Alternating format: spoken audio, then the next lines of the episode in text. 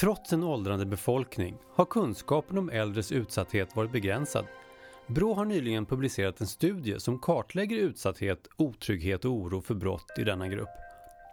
I det här avsnittet av Snacka om brott special diskuterar en panel under ett seminarium i Almedalen 2018 olika åtgärdsförslag utifrån studien. Medverkar gör Klara Radilova Selin, utredare på Brå, Kristina Tallberg, ordförande för PRO, Lisa Lindell, strateg för kvalitet och utveckling på Region Gotland och Anders Larsson, polis och utredare av åldringsbrott. Moderator är Willy Silberstein. Vi ber om ursäkt för bristande ljudkvalitet på inspelningen som gjordes i en föreläsningssal i Almedalen. Jag heter Willy Silberstein, är moderator här idag och eh, kommer att öppna för publikfrågor om ni har sådana om ett tag. Och upplägget är att jag kommer att intervjua de olika panelisterna och sen blir det ett samtal och återigen om ni har frågor är ni varmt välkomna. Och först upp i en skara panelister är Klara Radilova Selin från Brå. Klara, du har jobbat med en eh, eh studie av brott mot äldre. Kortversion, ja. Vad är det viktigaste ni har kommit fram till? Ja du, svår fråga. Jag fattar det, det är en otacksam fråga. Men, men om du skulle sätta en rubrik på din egen, inte den ni har, utan med det allra, allra, allra viktigaste om du går att hitta. Nej, men jag skulle snarare vilja säga, liksom, att berätta lite mer om varför vi har gjort det här och vad ja. tycker är viktigt. Och eh, det är ju det är inte så att äldre blir utsatta i enormt stor utsträckning för brott om man jämför med yngre personer. Så det är inte frågan om brottsvolym som gör det intressant, utan det är snarare frågan om att vissa gärningspersoner specifikt riktar in sig mot äldre, utnyttjar deras sårbarhet och begår brott mot dem som, som gör det angeläget att studera. Så det var det som var bakgrunden till att vi initierade projektet. Och bara för att klargöra, när ni pratar om äldre, vad, vad, vad tänker ni då? Det är alltså, vi, vi har valt att definiera dem som de som är 65 år eller äldre. Och det ligger i linje med tidigare forskning och vad olika myndigheter också, hur de definierar äldre. Ja. Det är gränsen helt enkelt. Men det är också så att Alltså brott mot äldre är inte samma sak som åldringsbrott som man brukar tala om ibland. Vad är skillnaden? Eh, vi har valt att definiera åldringsbrott som, som brott där den utsattes ålder, höga ålder, på något sätt spelar roll helt enkelt. Alla som är 65 plus och har blivit utsatta för brott är inte utsatta för typiska åldringsbrott. Det kan vara helt vanliga brott som vem som helst kan drabbas av. Men sen finns det de som där åldern spelar roll helt enkelt. Vissa bedrägerier är ett exempel på det. Vissa typer av misshandel också naturligtvis, etc. Stölder, väskryckningar. Och äldre säger egentligen då i mindre utsträckning att de är utsatta för brott än yngre. Är den här diskussionen överdriven?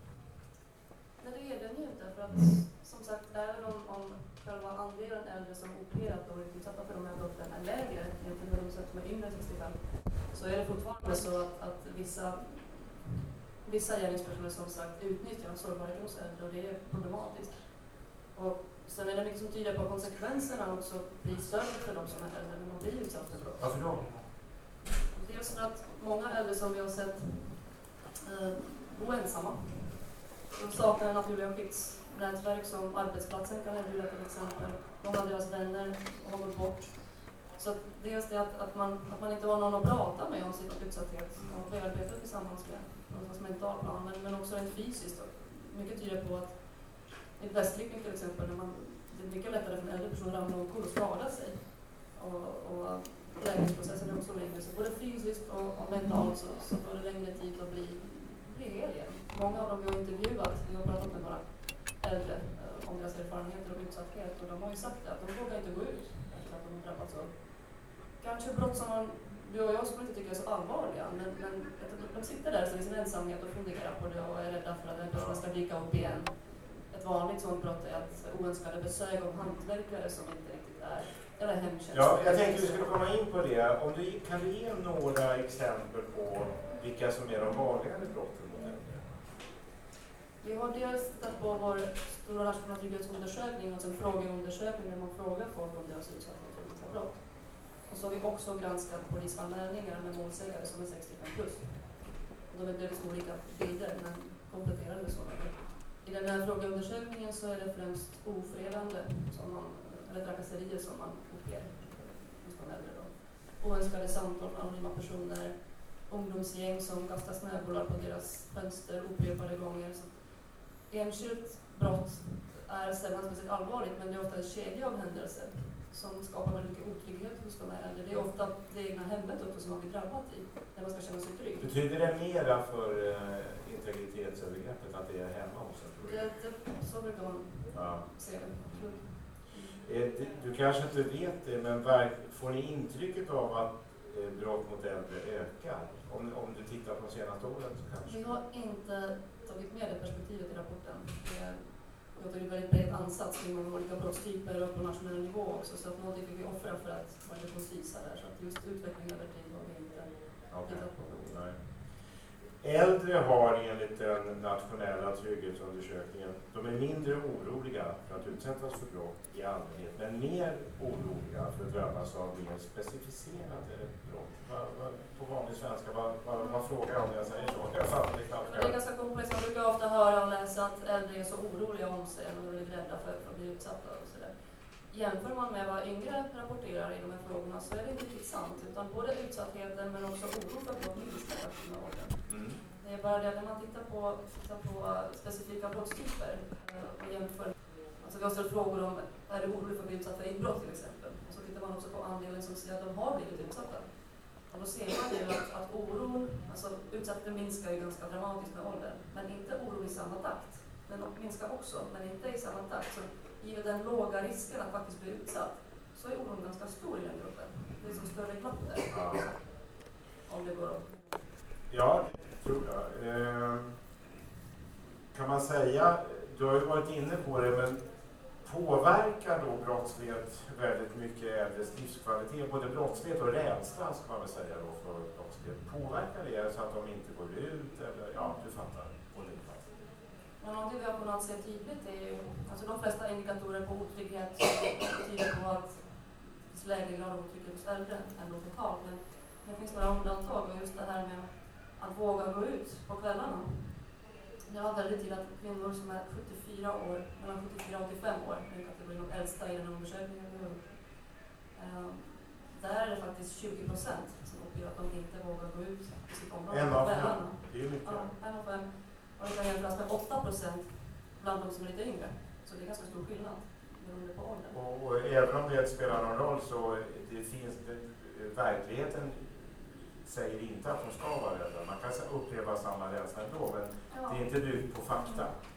Nej, alltså den nyaste forskningen om, om otrygghet och rädsla för brott eh, lyfter ganska mycket just det där att man inte kanske ska se i relation till varandra, utsattheten och otryggheten i sig är ett problem. Ja.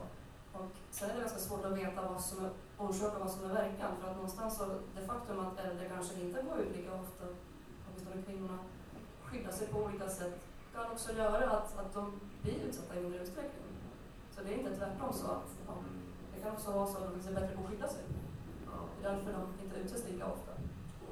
Eh, dödligt våld, hur förhåller det sig i den här gruppen? Um, Alltså, mycket tyder på att det inte är så jättestor skillnad egentligen från när yngre utsätts när man tänker på brottsstrukturen. Just, just dödligt våld, det tittar vi faktiskt lite på. Just material som sträcker sig tillbaka i tiden. I det här fallet så tittar vi på, på tidsdimensionen också och ser ingen trend direkt. Men sen 90-talet så har det ungefär varit 10 personer som är 65 år eller äldre som har bragts om livet. En annan person.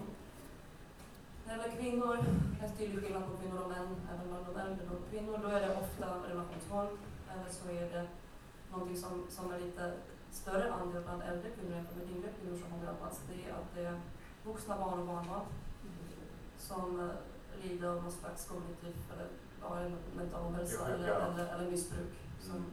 som uh, under påverkan ofta bryter sig in hos, hos sin förälder och det kanske har pengar till, till narkotika och så, mm. så går det illa. Mm. Både misshandel av den typen är ganska stor andel av, men också det dödliga våldet.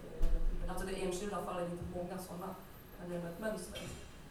När det är män som, som drabbas av, av dödligt våld, som äldre, så är det ganska stor variation där. Det är fyllebråk en del. Det är också de här barnen faktiskt, det är en skillnad i kön på kön. Sen också både för kvinnor och män gäller det inbrott, där syftet från gärningspersonen från början var inte att, att ta livet av någon, men, men så råkar de gamla vara hemma Mm. och då slutar det illa. Ja. En har- ytterligare intressant sak är Ja. utvidgat, utvidgat självmord kallas det. Vad sa du? Utvidgat självmord kallas det. Det är alltså, det är väldigt tragiska fall. Um, äldre, par, äldre par där antingen en eller båda lider av några sjukdomar som, ja, de ser inte framtiden helt enkelt. Liksom. Eller tvingas kanske separeras för att den ena har demens och ska flytta på någon hem och de vill inte det. Och då är det ofta mannen i, i förhållandet, nästan i alla de fallen jag har tittat på i alla fall, så är det han som tar initiativet. De kommer överens om det, men han tar livet av henne först. Sen tar sitt eget. Ja. Det är väldigt tragiska fall. Sådana har vi varit flera stycken i vårt material.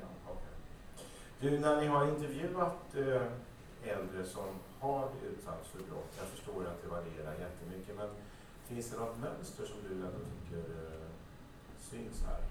Ja, det intressanta där är ju bara det här med rädslan som uppstår till följd av att man blivit utsatt för bedrägerier eller, eller inbrott. Eller de här besöken, polisen har särskilt hård för det här eh, stöld i bostad utan inbrott också. Eh, där det är väldigt hög andel av äldre. Alltså där, där vad är stöld i... i bostad utan inbrott. Ja, vad- vad man, det? Man bara ringer på och säger jag kommer Ja. jag ska kolla ett eluttag. Och så går man in och, Mm. och snor saker helt enkelt. Ja. Eller begår bedrägerier och så. Mm. Ska någonstans stå betalt med någon kortmaskin och så, så försvinner kortet eller Ja. kortet eller så. Det är många exempel. Eh, eh, Så att just de som har drabbats av liknande brott känner sig väldigt otrygga i hemmet. De är rädda för att personerna dyker upp igen. Och i och med att de är väldigt ensamma, många av dem har intervjuat, så sitter man där hemma och ältar och, och, och mår sämre och sämre. Så det här med ensamhet och isolering, det är verkligen någonting att jobba med för att kunna ta de äldre frågor och försöka bryta det lite mer. Eh, Det vi också har kunnat se med intervjuerna, eh, det, det är ju ganska, ja, det finns skillnad på hur män och kvinnor, äldre män och kvinnor förhåller sig till sin utsatthet. Hur då? Hur de berättar om det. Det skulle kunna vara en generationsskillnad delvis åtminstone, men det är flera av de männen har ju varit, det var sju män och elva kvinnor vi har pratat med. De vill alltså inte medge att de är sårbara och, och kanske inte fysiskt lika kapabla. Det var någon av dem som, som var väldigt kaxig och tyckte att ja, om jag bara upptäckte att det här fixställen pågick, han hade minsann fått stryk. För att jag ska vara säga citat, de ska vara manliga, de ska vara handlingskraftiga. Kvinnorna var lite mer benägna, om man ska generalisera nu, Mm. att, att faktiskt visa hur sårat och sårbar man är i den situationen och, och, och medge det helt enkelt. Ja. Och Jag menar, det finns ingen värdering i vad som är en bättre strategi. Det kan finnas också vits med att försöka Mm. sträcka på sig. Men det som är nackdelen med det är ju, är ju att man kanske inte söker hjälp helt enkelt som man. För att man innerst inne kanske visst känner att det här var inte så kul, det var ganska läskigt och jag är rädd att det ska hända igen, men man vill inte medge det. Du, jag ska snart bjuda upp nästa panelist, men är det något viktigt jag inte har hunnit fråga som du ändå tycker det här måste du få säga? Men någonting vi vill gärna trycka på det är just det här med, alltså ingenting av det det vi föreslår i rapporten, vi har ett helt kapitel där med olika åtgärdsförslag och hur man ska kunna både Jag tänkte vi ska återkomma till det. Okej, ja, men jag känner ingenting av de här förslagen kommer som landa speciellt väl om inte äldrefrågor i bredare perspektiv uppgraderas lite i debatten. Och det känner du att så är, Ja, utifrån ditt, det här perspektivet så är inte Absolut, vi har jobbat med det här i ett års tid och, och träffat många människor. Det är många brottas ju med det här att äldre som grupp är inte så intressanta. Det man är inte produktiv längre och då är man inte intressant och det är väldigt tragiskt för Ja. man har ju bidragit hela sitt liv. Och Absolut. internationella jämförelser visar också dessutom att i Sverige så, så, så är vi särskilt um, man jämför Mellanöstern till exempel, det är ju de äldre är de vise, de man vänder sig mot om råd. och så. I Sverige är det inte så. Utan det är tiondel som, som enligt de mätningarna som tycker att äldre är en börda för samhället. Och med den inställningen så blir det svårt att, att jobba med Ja, men det, vi ska försöka komma tillbaka till det. Eh, stort tack så här långt Klara och då eh, bjuder jag upp Lisa Lindell. Där var du från Region Gotland. Du, du kan stå kvar Klara, för det tänkte jag vi fyller på. Eh, Lisa, du kommer alltså från Region Gotland. Där jobbar ni strukturerat eh, med frågor om brott mot äldre. Vad gör ni? Eh, ja, vi har ju jobbat sedan 2010 med strukturerat med frågan eh, brott mot äldre. Framförallt då eh, äldre personer som är utsatta för våld i nära relation. Det här relationsvåldet som Klara beskriver. Eh, och det, där jobbar vi med flera delar. Man kan säga att vi har byggt upp en strukturell samverkan i socialförvaltningen. Eh, och vi jobbar inom fyra områden. Och det första området är utbildning. Vi har sett till att alla våra medarbetare i hela socialförvaltningen, alla avdelningar, har utbildning i våld. Så att man ska se? Så att man kan se, man kan upptäcka, man ska kunna ställa frågor, man ska kunna lyssna och man ska absolut veta vad man ska göra. Eh, sen har vi sett över stödet. Vi har gått igenom det stödet som vi ger till våldsutsatta eh, personer och sett till att det är anpassat också oavsett vilken ålder eller funktionsnedsättning man har. Eh, vi har också jobbat mycket med strukturen, för det är ju så att vi har ju mer och mer byggt in oss i att bli specialister inom den här offentliga branschen, socialtjänsten, som jag representerar. Eh, och till slut när man, när man gör det så, så hamnar man ju i ett läge där, där alla är väldigt duktiga på att avgränsa sig och vet sitt område.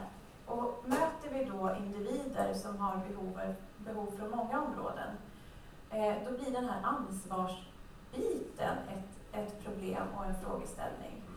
Eh, så vi har jobbat väldigt mycket med att man istället för att titta på att det här är inte mitt ansvar så ska man istället se vad är det jag kan bidra med. Vad kan jag för den här individen?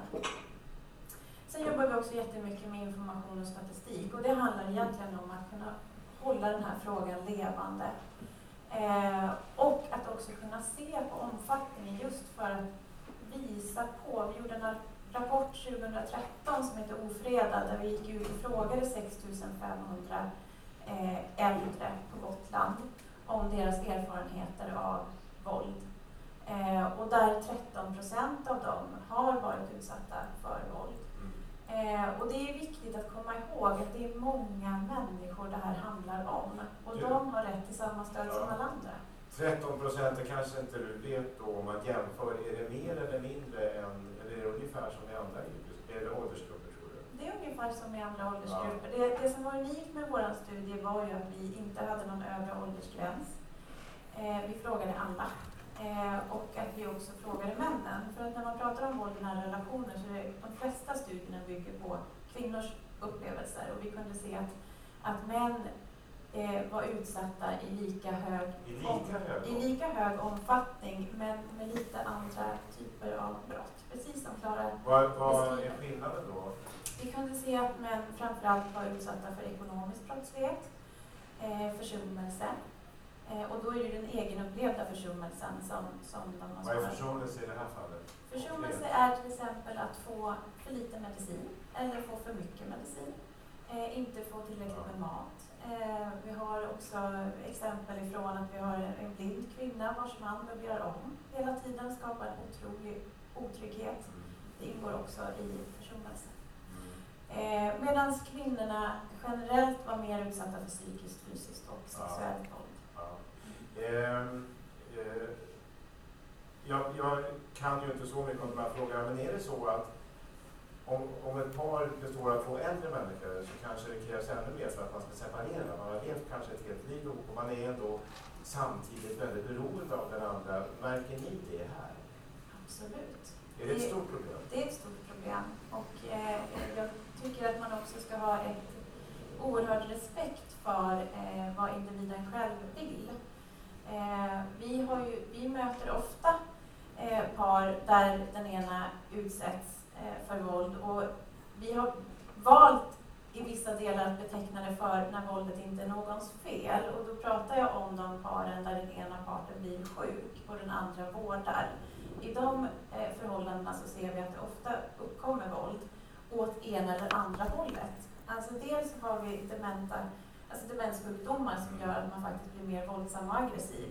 Men vi har också slutkörda anhöriga som begår övergrepp mot partnern för att man helt enkelt inte orkar.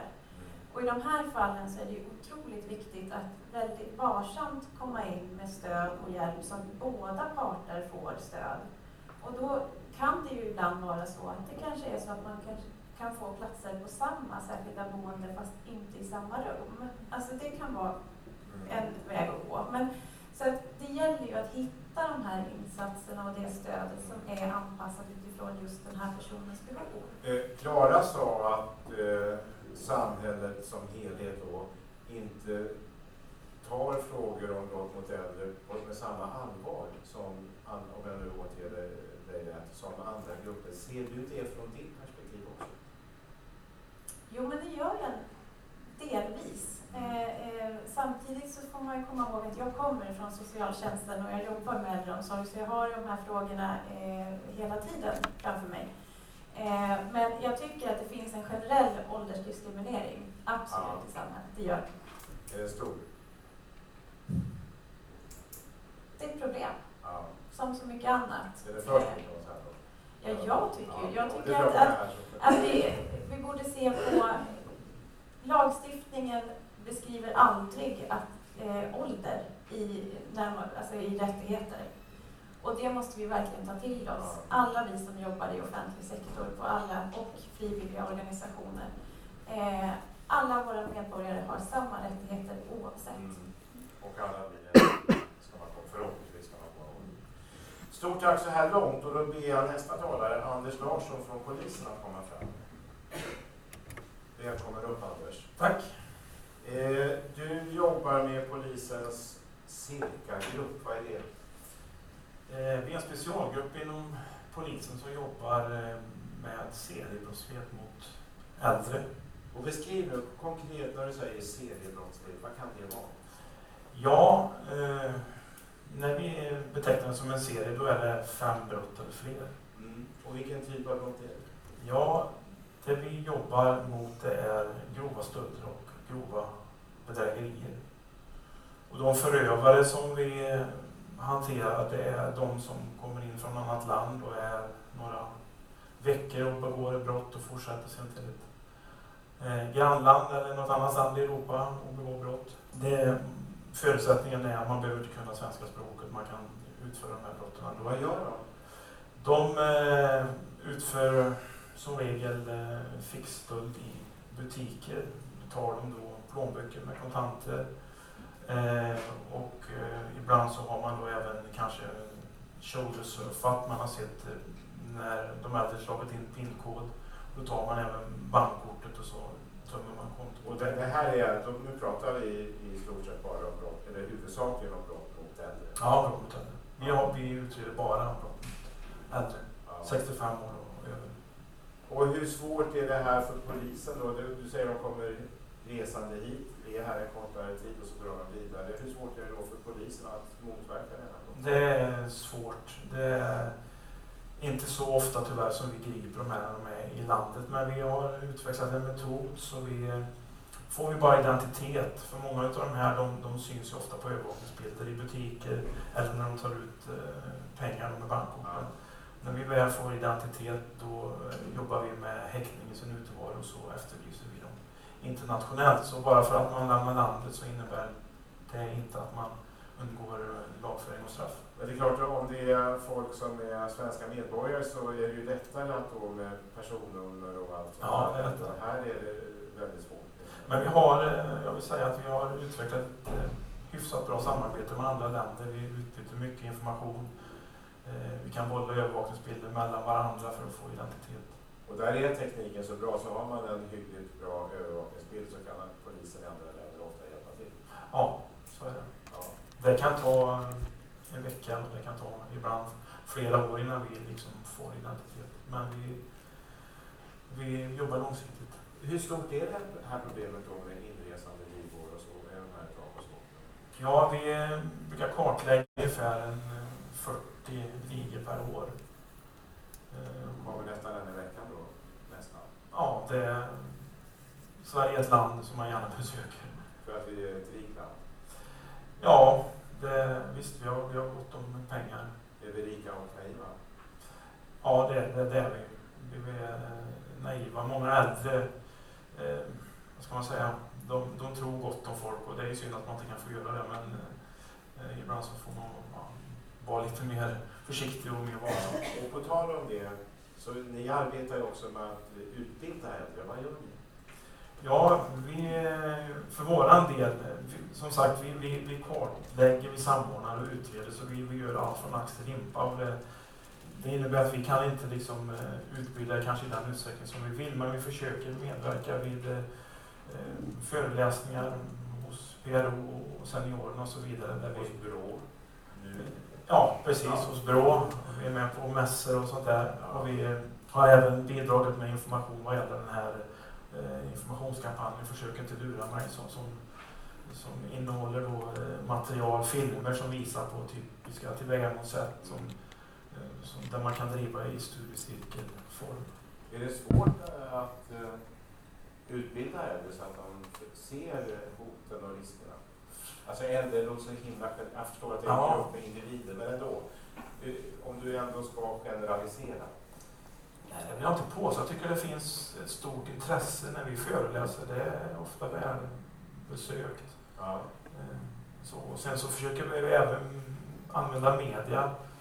Men det är alltid balansgång där. Man vill inte skrämmas och att äldre ska få en bild av att det är, Mm. liksom är hur mycket som helst. Men eh, vi försöker använda media och varna när en liga kanske kommer in och använder ett speciellt modus.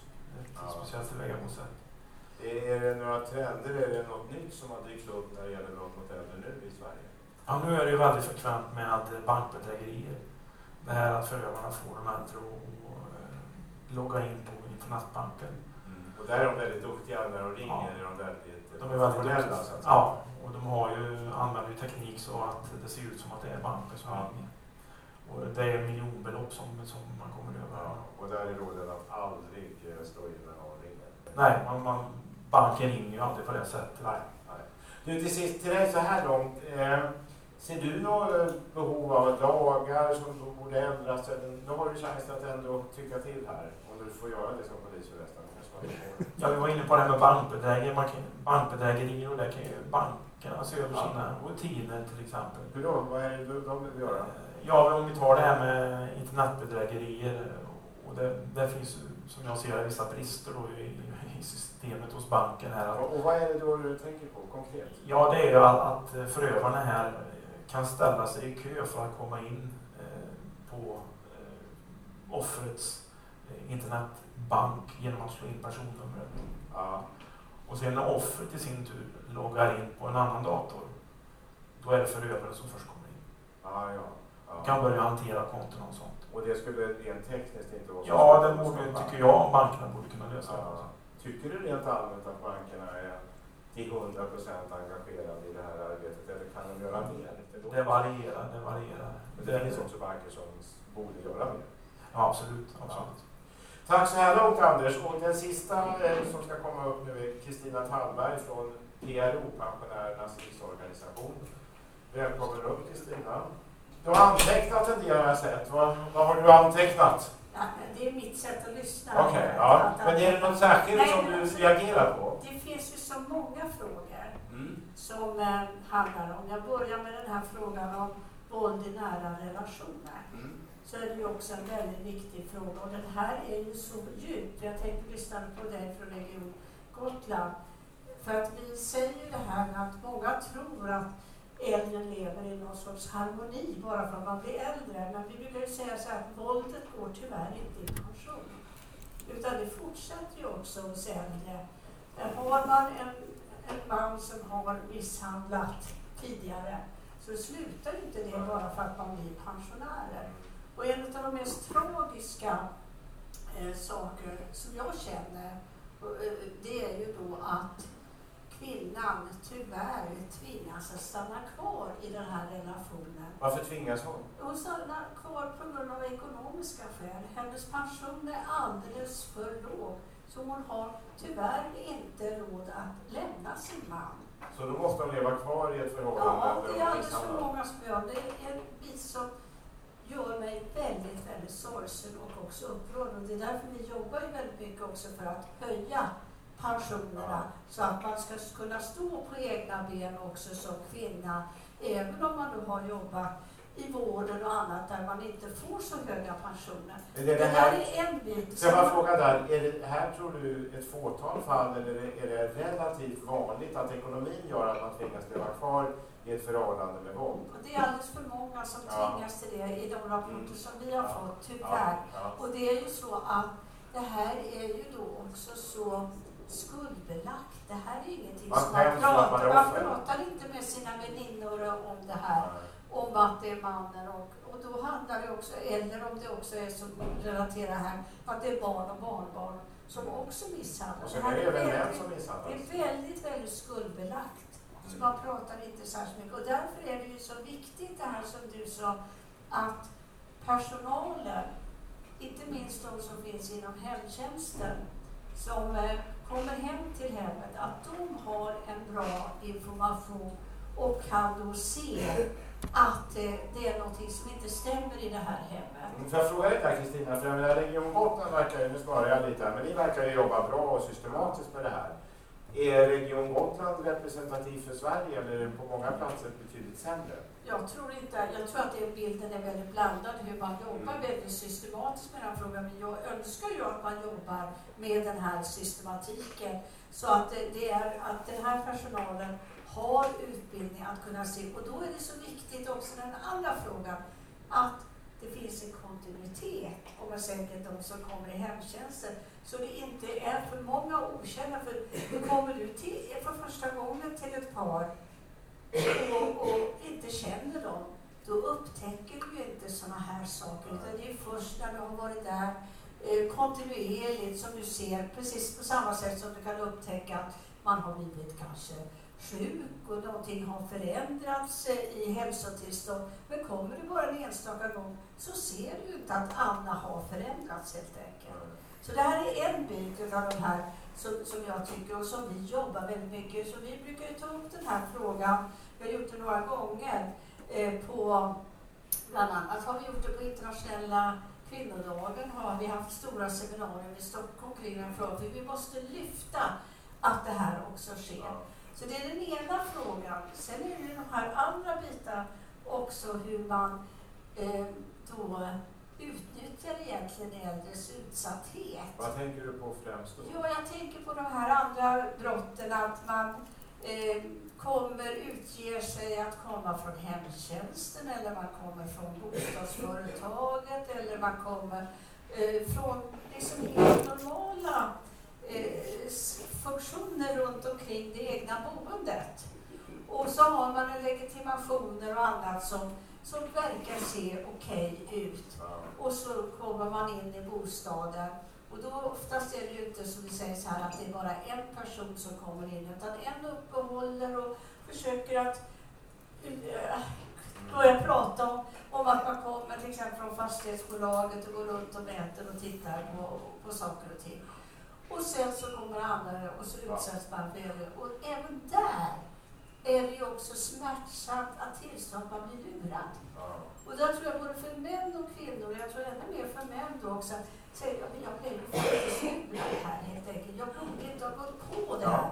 Utan jag borde ha sett upp med vilka jag släpper in.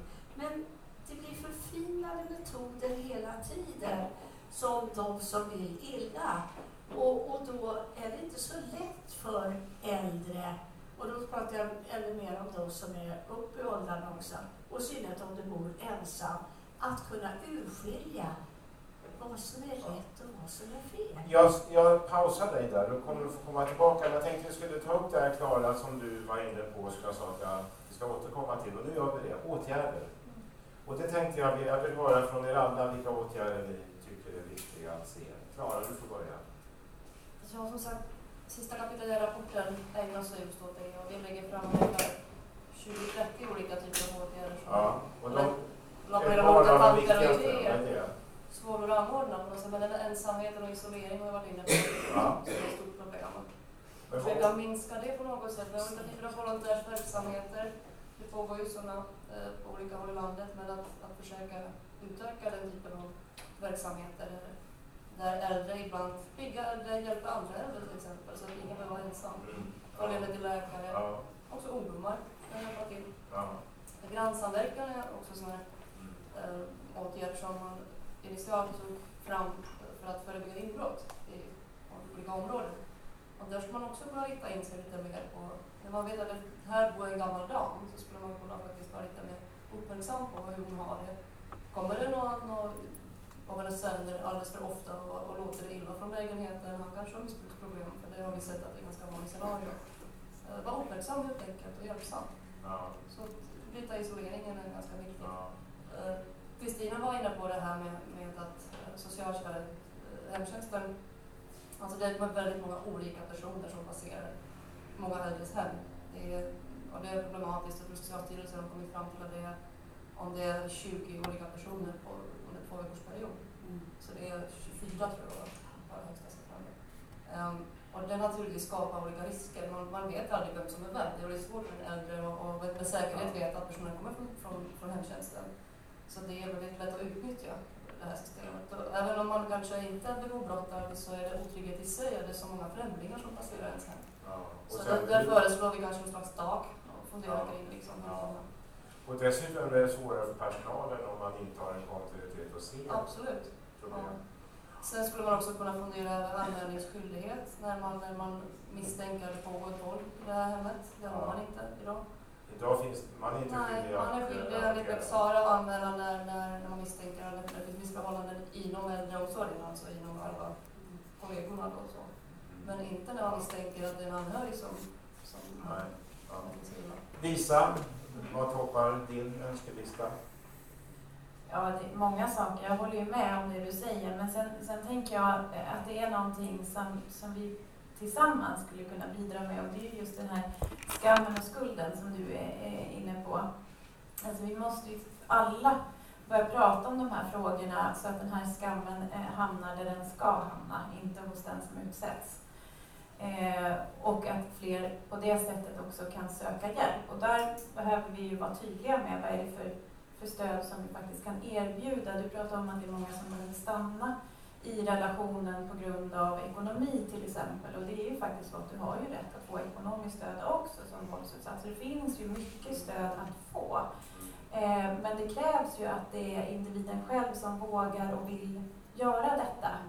Eh, och för att komma dit, för det tycker jag är det stora problemet, det är ju att vi, vi faktiskt måste lyfta de här frågorna och, och visa på att det här är vanligt och det är ingenting att skämmas för. Eh, och där, så här ska man inte behöva leva. Har du något förslag? Jag- Jag begär inte att du ska ha det, bara för att du sa att det är viktigt att man försöker ta bort skammen från de som är utsatta. Vet du något sätt man skulle kunna uppnå det? Men jag tror att ju fler som, som eh, eh, pratar om det, ju fler som vågar berätta att man har varit utsatt, alltså ju fler vi blir som, som förstår och kan och vet om det här, ju mindre eh, skamligt är det. Ja. För att du känner dig inte heller lika ensam. Och det har vi sett, vi har ju byggt upp bland annat att vi har haft särskilda stödgrupper för äldre som har varit utsatta eh, länge. Och, och att hamna i en grupp med fler som också har varit med om liknande erfarenheter har varit jättevärdefullt för de här äldre. Anders? Ja, det är viktiga ord som, som sägs här. Vi möts ju också ofta av det här att de äldre känner skam. Eh, och vi försöker bidra med att eh, när man gör en polisanmälan då blir det också en påföljd. Man kanske får kränkningsersättning och, och så vidare. Eh, det är viktiga signaler som vi försöker sända ut. Och sen, eh, ja, vi måste hjälpas åt helt enkelt. Sen så skulle vi vilja ha lite kameror och sånt där kanske i större utsträckning. Var då? Var skulle det behövas kameror? Ja, jag tänker kanske till exempel de här, vi ser att det är, det är mycket stölder hemma hos äldre. Det är det här, man tränger sig in hos dem utan att man gör inbrott. Lek med tanken att det finns någon möjlighet att de kan sätta på en kamera där till exempel. Eller någonting. I bostaden? Ja. Sant, det är ju rätt känsligt. Ja. Men Eh, du tycker, tror att ändå vinsterna skulle vara så stora? det, bara en, en tanke. Ja, Alltså, okej. ja, Det är alltid en balansgång det här med kameraövervakning. ja. Men eh, ja. vi, från min horisont så är det ju, vi, vi, vi lever ju på bra, bra eh, övervakningsbilder. Ja. Det är jättesvårt att utreda när vi inte har. Några övervakningsbilder. För det är också så att eh, om man backar bandet några år så, så tidigare så kunde vi till exempel hämta in telefontrafik tillbaka i tiden. Vi kunde, det kunde vara ett halvår eller ett år. Idag är det helt andra förutsättningar för oss. Det kanske bara är en månad. Det försvårar för oss. Kristina, Ja. önska på. Ja, alltså det som vi gör, och vi arbetar ju tillsammans med polisen och Brottsofferfonden. Det här material, försök inte lura mig bland annat, som du nämnde, som är väldigt viktigt. Att vi har studiecirklar, utbildningsverksamhet, att man kommer från polisen till exempel på våra möten där vi samlar ju väldigt mycket, många människor om vi har möten. Jag menar, det är inga små församlingar utan det handlar ju över hela landet. Så kanske det är 100-200 personer som är på ett möte. Och då att man får den här informationen direkt. Vad är det man ska tänka på helt enkelt? Och, och, och, och att man, så man inte luras helt enkelt. Ja. Och det där är, är jätteviktigt och att vi pratar om de här frågorna och att när det gäller just det här man kommer till övergrepp, rena fysiska övergrepp och psykiska övergrepp för den delen också, att man också pratar om dem och att man aldrig ska acceptera det här med att man blir misshandlad helt enkelt. Utan det är ju det klassiska att så fort det händer så ska man ju lämna det förhållandet. Det, det är lättare sagt än gjort. Men det är så allvarliga frågor och i värsta fall så leder det också till för tidig död. Och det måste vi också kunna se. Plus att också där det kommer, eh, nu har inte jag, men där man också gör eh, olika saker där ändå personer fysiskt blir skadade. Så det här med att man rycker en väska och, och man faller i, i, i gatan och man får frakturer och andra saker så är det både den fysiska skadan men också inte minst den psykiska skadan som också måste läka. Kristina, får jag fråga dig, tror du, jag anar att du inte vet, men vad är din känsla? Tror du att äldre i Sverige är nöjda med polisens eh, hjälp för dem i sin egenskap av äldre när de utsätts för? Jag har ju väldigt svårt att svara på det, men jag, tror att, jag tror att eh, om man anmäler och, och blir bli trodd på det man säger. Det handlar väl mer om den biten att en del känner att ja men de, de kommer, det här var en liten grej. Eh, det kanske inte lönar sig att anmäla eller ringa till polisen och tala om att jag kanske var slarvig själv eller någonting sådär. Så det lönar sig inte, det kan vara en del som har den. Men vi säger ju att så fort det är någonting sådär så ska man anmäla naturligtvis. Och man ska känna en förtröstan till, naturligtvis till polisen. Något annat kan vi inte säga utan vi måste ge det här stödet då att man säger att är det så att man blivit utsatt för, för en, en, en, en handling så, så ska man beivra, det måste beivras helt enkelt. Så att det, det handlar mycket om de här bitarna och att vi pratar om det och synliggör också det här problemet. Det tror jag är väldigt viktigt. Och då är det väldigt viktigt det här med att det, det har vi sagt i många sammanhang, att det bedrivs forskning. För det är genom forskning som vi får kunskaper. Vad är det som ska göras? Och där man får ännu mera siffror, bakgrund konkret på. Och då blir det att föra fram också de här frågorna till politiskt ansvar. Och för oss i pensionärsorganisationen, PRO och andra pensionärsorganisationer så är det ju självklart att vi jobbar ju hela tiden, vi jobbar ju med samhällets breda frågor. Eh, och då är det ju vår uppgift att föra fram vad vi tycker och tänker till politiska beslutsfattare. Och det gör vi också, ja. ska jag säga. Hörrni, jag tänkte, nu är det inte så många här, men är det någon här som har en fråga så är det väldigt kul om ni vill ställa den. Ja, här har vi en fråga. Ja. Inger Odén heter jag. Jag har arbetat inom brottsofferjouren några år. Eh, och eh, där har jag mött eh, rätt många. Och min erfarenhet är där att det är mer kvinnor än män. Men jag skulle säga att det är väldigt få äldre. I brottsofferjouren? Ja, nej.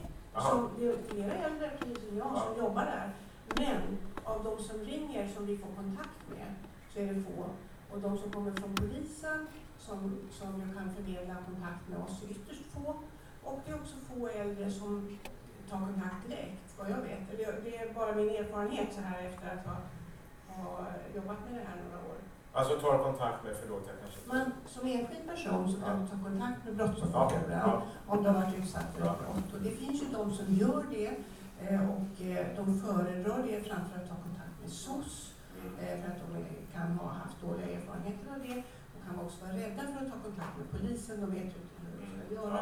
Och då kan de ringa till brottsofferjouren och prata med oss. Eh, och eh, jag vill bara slå ett slag för, ja. för att det finns och att eh, man kan ha samtal med de som så önskar som har ensamhetsproblematik. Men också att vi också har ett nätverk där vi förmedlar kontakter. Men det är också en vikt, väldigt viktig fråga för oss är ju att förmedla att ni finns helt enkelt. Och det är därför vi har det här gemensamma projektet också tillsammans med er och polisen. Mm. Tack, vi har med en fråga till. Eh, ja, vi har fått en fråga från mig. Jag vet inte om polisen kan svara på det. Eh, det handlar om det här med att om man går in på hitta.se, Niro eller så är det väldigt lätt att få fram ålder på. Du slår på en adress och så hittar du en person.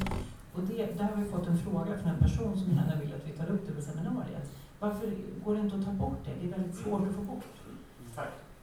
Ja, jag vet eh, vid något tillfälle där så tittade jag efter någon i Finland. Eh, och det var helt annat där.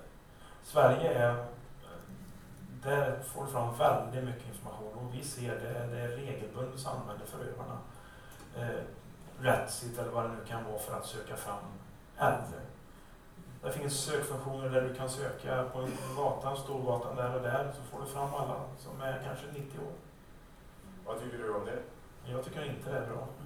Ser ni att detta utnyttjas? Ja, absolut. Det är regelbundet. Det är ett verktyg för kriminella? Ja. Vi hade en utredning alldeles nyligen här där man hade använt Rättsit och där man då, förövarna utgav sig för att vara barnbarn och de ringde upp finsktalande. De sökte dem fram igen. Rättsligt vi såg i deras mobiltelefoner som vi tog i beslag att det fanns sökningar där. Ja, och de erkände det också i förhör sen. Mm. Någon annan som vill kommentera just det? Nej. Finns det någon mer fråga annars så tror jag att vi rundar av här. Men, nej.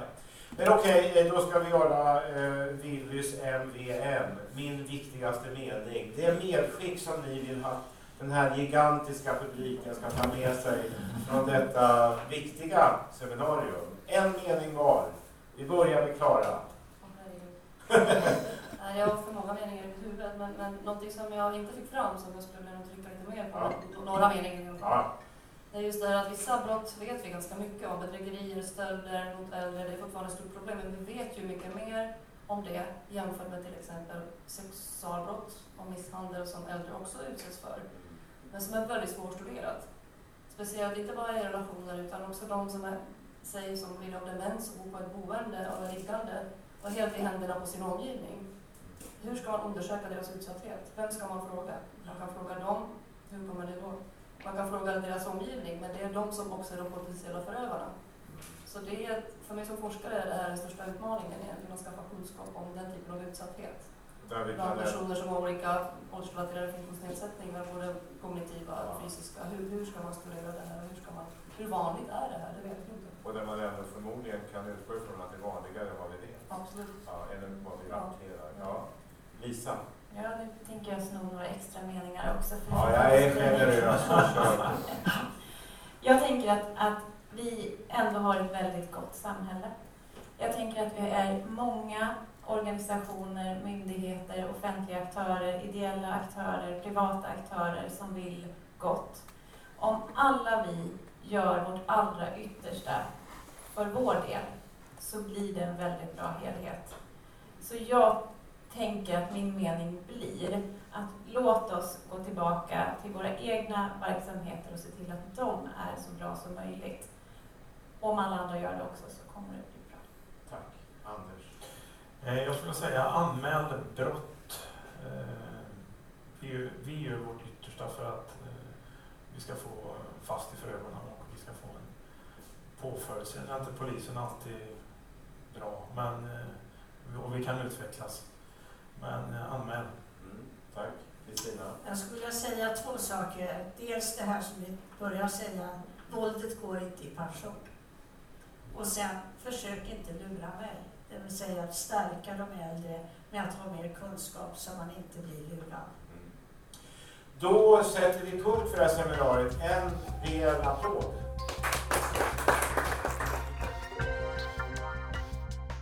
Du har hört ett avsnitt av Snacka om brott special från ett seminarium i Almedalen 2018 om brott mot äldre.